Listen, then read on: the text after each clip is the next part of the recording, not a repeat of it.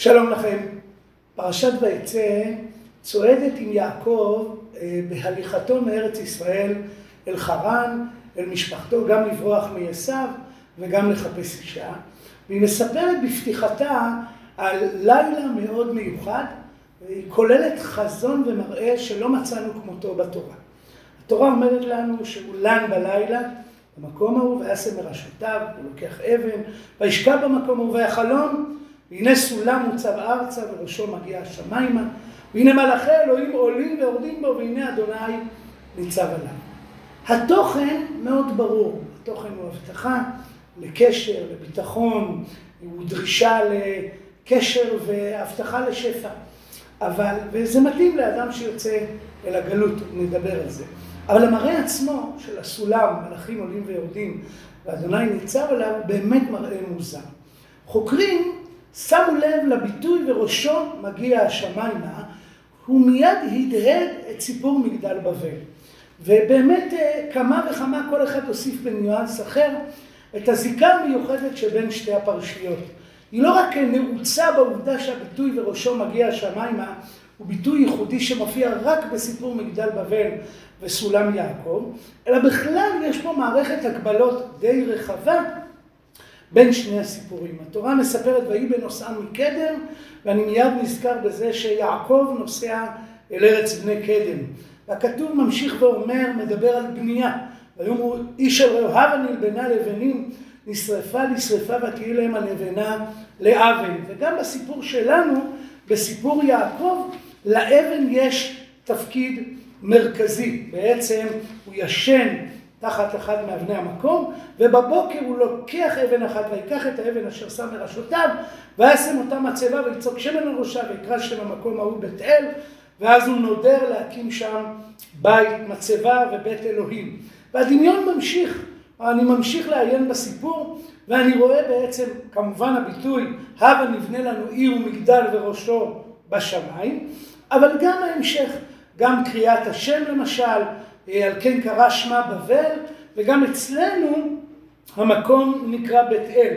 ויקרא את שם המקום ההוא בית אל, אולם לוז שם העיר לראשונה. והגבלה ממשיכה אולי אפילו דרך האמירה בין נפוץ לבין ופרצת ימה וקדמה. והפרשנים שמו לב לקשר העמוק שבין הסיפורים, אבל בשביל להבין אותו לעומק צריך רגע לחזור למגדל בבל, שרבו הפירושים עליו, ולהציע פירוש שעולה ככל שאנחנו מכירים את תרבות המזרח הקדום. בבבל היו זיכורת, המילה זיכורת שהיא באכדית, קרובה למילה להזדקר, לעמוד, להימתח בעברית שלנו, והזיכורת היו מבנים דמויי פירמידה אבל מדורגים, בעצם מגדל וראשו בשמיים, ששימשו את כהני עובדי האלילים בבבל לעלות כביכול אל השמיים ולפגוש את האלילים השונים.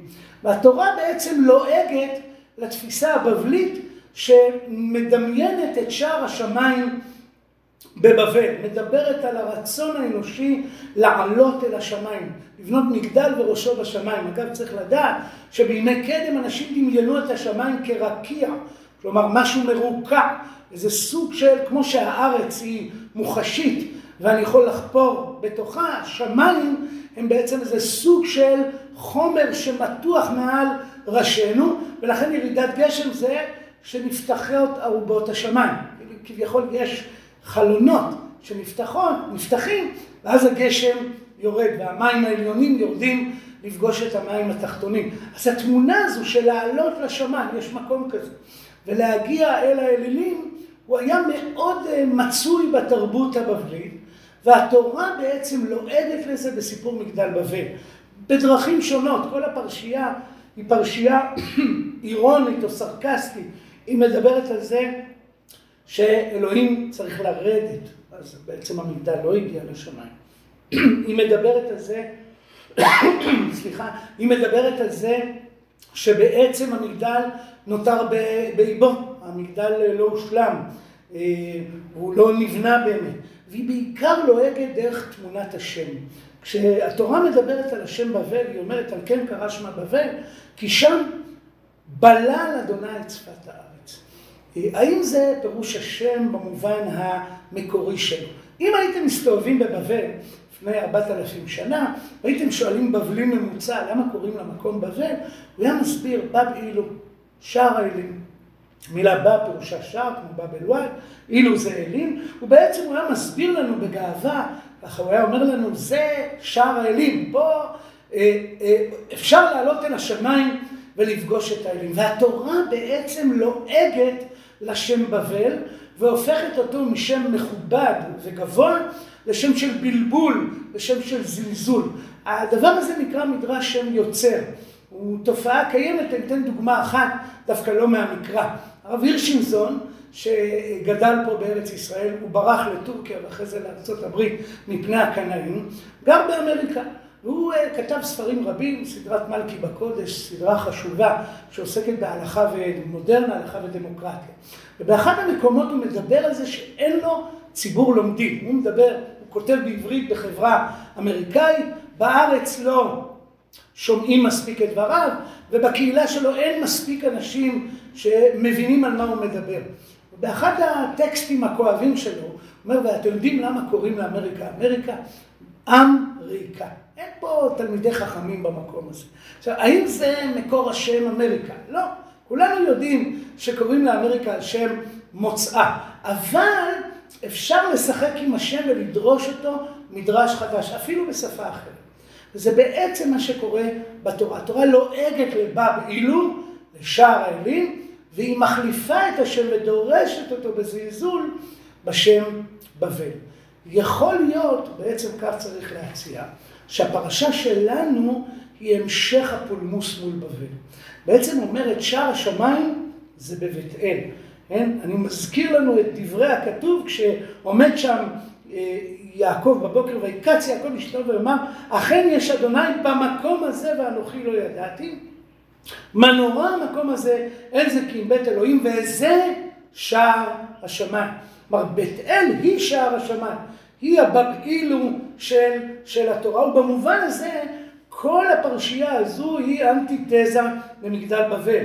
כלומר האדם אנחנו מדברים על חזון ולא על ממשות. אם במגדל בבל ניסו לבנות זיכורת ממש, ניסו לבנות סולם, מילה באכדית, מופיעה רק פעם אחת במקרא, כתב על זה יהודה אליצור מאוד יפה, בעצם מופיעה בהקשר לפולחן הזיכורה, אז התמונה שאם אם האנשים שם מדברים על בנייה ממשית, על האפשרות המוחשית לעלות לשמיים, התורה מתארת את זה כחלום. התורה אומרת זה קיים ברמה המטאפיזית. זה קיים ברמה הרוחנית, זה חזון שבו בעצם, הנה סולם, מוצב ארצה בראשו השמיים, אבל לא בני אדם עולים בו, כי השמיים שמיים לאדוני, והארץ נתן לבני אדם. ולכן מי שעולה ויורד בו זה מלאכים. מלאכים יכולים לעלות ולרדת, הם יכולים להיות בשמיים, אבל יכולים לרדת אל הארץ בשליחותו של הקדוש ברוך הוא. ואלוהים ניצב עליו, כנראה על הסולם, אפשר גם לומר על יעקב, אבל אפשר לומר על הסולם, כלומר הקדוש ברוך הוא נמצא בשיאו של הסולם בשמיים, והמלאכים עולים ויורדים, זה לא משהו מוחשי, אי אפשר באמת לעלות לשמיים, אל מול התפיסה הבבלית הפיזית, התורה מציגה מראה, מציגה חזון, מציגה תמונה מפס, מטאפיזית, בשפה שלנו הייתי אומר, היא מציגה תודעה, תודעה של קשר ולא ממשות במובן הזה. ואם נלך בשיטה הזו, אז בהחלט בבל היא אנטיתזה ל... אה, סליחה, בית אל היא אנטיתזה לבבל. זה, השאלה שצריך לענות עליה, זה למה דווקא כאן.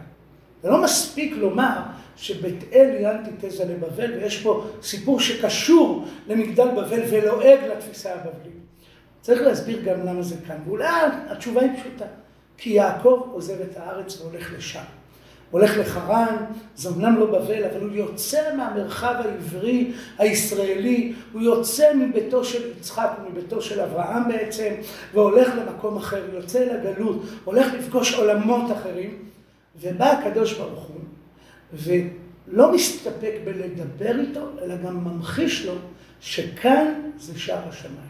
ששער השמיים זה לא מה שיספרו לו כשהוא יגיע לשם, הוא פה או פה או במקום אחר. שער השמיים הוא בארץ ישראל. זה מעין תזכורת מוחשית, לזכור שאת הקדוש ברוך הוא בסופו של דבר, בשביל לפגוש אותו הוא צריך לשוב אל הארץ. והדבר הזה גם נאמר במילים, הנה אנוכי עמך, ושמרתיך בכל אשר תלך, והשיבותיך אל האדמה הזאת, כי לא אעזבקה עד אם עשיתי את אשר דיברתי לך. אפשר לקרוא את זה קריאה משפחתית או קריאה של הגנה, אבל צריך לשמוע פה גם את המסר שבסיפור. המפגש עם אלוקים מתרחש בארץ, אז אני מבטיח לך, א', תזכור את זה, תהיה מודע לזה, ואני גם מבטיח לך שעוד תשוב אל הארץ הזאת. כשלמדתי אה, בישיבת עין צורים, תיבנה ותיכונן במהרה בימינו אמן. למדתי אצל שמעון הקשר רעיון, מורי שמעון הקשר, רעיון נפלא שראוי להזכירו. אם בית אל היא אלטרנטיבה לבבל בסיפור יעקב, אולי זה נכון גם בסיפור אברהם. בסיפור, כשאברהם מגיע לארץ, מספרת לנו התורה בפרק י"ב, בפסוק ח', פסוק מעניין. היא אומרת כך, ויעתק משם ההרה מקדם לבית אל, ויתר עולו בית אל מים והי מקדם, ויבן שם מזבח לאדוני, ויקרא בשם אדוני. מעיר שמעון הקשר בחדות, שכמעט כל מילה בפסוק הזה היא אנטיתזה למגדל בבל. האמירה נעשה לנו שם מוחלפת פה ויקרא בשם אדוני. הבנייה, הבה נבנה לנו עיר, מגדל וראשו בשמיים, מוחלפת פה בבניית מזבח להשם, ויבן שם מזבח לאדוני. אולי מול, הבניין והעיר צריך להציב את ויתע או לא, אבל מול המילים בית אל מים והי מקדם, הן עומדות כנגד האמירה, ויהי בנושאם מקדם. אולי המילה בקעה מוחלפת כאן במילה, והעתק משם ההרה. כלומר, שמעון מציע שכל הפסוק הזה בא לומר שאברהם הוא אנטיתזה למגדל בבל. הוא מעמיד את אלוהים במרכז, את הקדוש ברוך הוא, הוא עושה למענו, הוא בונה בעבורו, הוא עצמו מסתפק באוהל, אבל בונה מזבח להשם כדי לפרסם את שמו בארץ כנען. אם זה כך יוצא שכשיוצאים מבבל, ספרותי, יוצאים מסיפור מגדל בבל, מגיעים לסיפורי אברהם, בית אל נזכרת. וכשעוסקים ביעקב, שעוזב את ארץ ישראל, אז הוא נפרד דרך בית אל, וההרמזים הספרותיים חוזרים אל סיפור מגדל בבל, להזכיר לנו שפה זה שער השמיים. האמירה הזו מתחברת בעיניי בצורה מאוד עמוקה כשבוחנים את דברי השם. הרבה פעמים אנחנו מכירים במקרא שמישהו מצטט מישהו. זו תופעה מאוד שכיחה ומצויה. ולפעמים אדם מצטט את עצמו. וגם הקדוש ברוך הוא לפעמים מצטט את עצמו. זה דבר מאוד מעניין לראות את מה הוא מצטט, מהיכן הוא אומר את המילים שהוא אומר כרגע. והנה הקדוש ברוך הוא עומד לפני אברהם, אה, לפני יעקב, ואומר לו, ואז ערכה כעפר הארץ, פרצת ימה וקדמה צפונה ונגבה, ונברחו בך כל משפחות האדמה ובזרעיך. והנה אנוכי עמך ושמרתיך בכל אשר תלך. המילים פה רומזות לכמה מקומות, אבל באופן מיוחד לסיפור אברהם ולוט. אם אנחנו רגע מסתכלים על מטבעות הלשון, אז רואים שיש פה ציטוט מכוון דווקא לסיפור הזה. כשחוזרים לפרק י"ג ועוסקים בסיפור לוט, הכתוב אומר כך, ואדוני אמר אל אברהם, אחרי פרד לוט מאמו, שא לעיניך וראה מן המקום אשר אתה שם, צפונה והנגבה והקדמה וימה, כי את כל הארץ אשר אתה רואה לך אתננה וזרעך עד עולם. זה כמעט מילה במילה דברי השם ליעקב. אומר לו, הארץ אשר אתה, פה יהיה כתוב רואה, פה כתוב שוכב עליה, ממש הבדל שהוא תלוי בסיטואציה, לך אתננה וזרעך. ממש אותם מילים, וזה ממשיך. ואז ערכה כעפר הארץ ופרצה קדמה ימה וקדמה צפונה ונגבה. זה ממש ציטוט של דברי השם. וראה מן המקום אשר אתה שם, צפונה והנגבה והקדמה וימה. ושמתי את זרעך כעפר הארץ. זה ממש המילים שנאמרות כאן, והיה זרעך כעפר הארץ. כלומר, הקדוש ברוך הוא בעצם מצטט את דבריו שלו בסיפור לוט. וכשאני פוגש ציטוט, ראוי לשאול למה הוא מצטט. למה הוא לא אומר מילים חדשות? הרי יש לנו פעמים שהקדוש ברוך הוא מוסיף ברכה חדשה לעולם. ומדוע הוא מצטט דווקא מהמקום הזה? למה המקום הזה הופך להיות רלוונטי דווקא כאן? ואני רוצה להציע שיש פה סאבטקסט לסיפור. הסאבטקסט הוא רגע משברי. כשיעקב עוזב את כנען קורה פה דבר דרמטי מאוד. הנבחר עוזב את הארץ הנבחרת. בדרך כלל, מי שעוזב הוא זה שנפרד משרשרת הבחירה המלאה. דיברנו על בחירה מעגלית באחד השיעורים, אז מי שבעצם נבחר הוא זה שנשאר. אני מזכיר לנו שבספר בראשית בפרק כ"ה אומרת לנו התורה, ולבני הפילגשים נתן אברהם מתנות, וישלחם מעל יצחק בנו, בעודנו חי קדמה אל ארץ קדם. כלומר, הם לא הנבחרים המלאים, לכן הם משולחים, אבל יצחק נותר בארץ. וגם ישמעאל בסופו של דבר בעצם נשלח, מגורש מתוך המרחב והולך אל מצרים, וגם עשו בהמשך. בעצם יעזוב את ארץ כנען וילך אל ארץ אדום. כלומר, באופן טבעי, מי שנשאר בארץ ישראל הוא הנבחר מבין האחים. והתמונה הזו בעצם מתפרקת בסיפור שלה. הנה, יעקב הוא הנבחר, גם ברוך הוא. יעקב זוכה לברכת יצחק, גם בסיפור של מרמת הברכות, אבל גם אחרי זה כשיצחק אומר לו במפורש שברכת אברהם עליו, ואל שדי יברך אותך בפניך וירבך ויתן לך למין וייתן לך את ברכת אברהם לך ולזרעך כלומר כשיצחק משלח את יעקב הוא מגדיר אותו כנבחר כממשיכו של אברהם אבינו. אבל קורה פה משהו מאוד בעייתי משום שהנבחר נאלץ ללכת.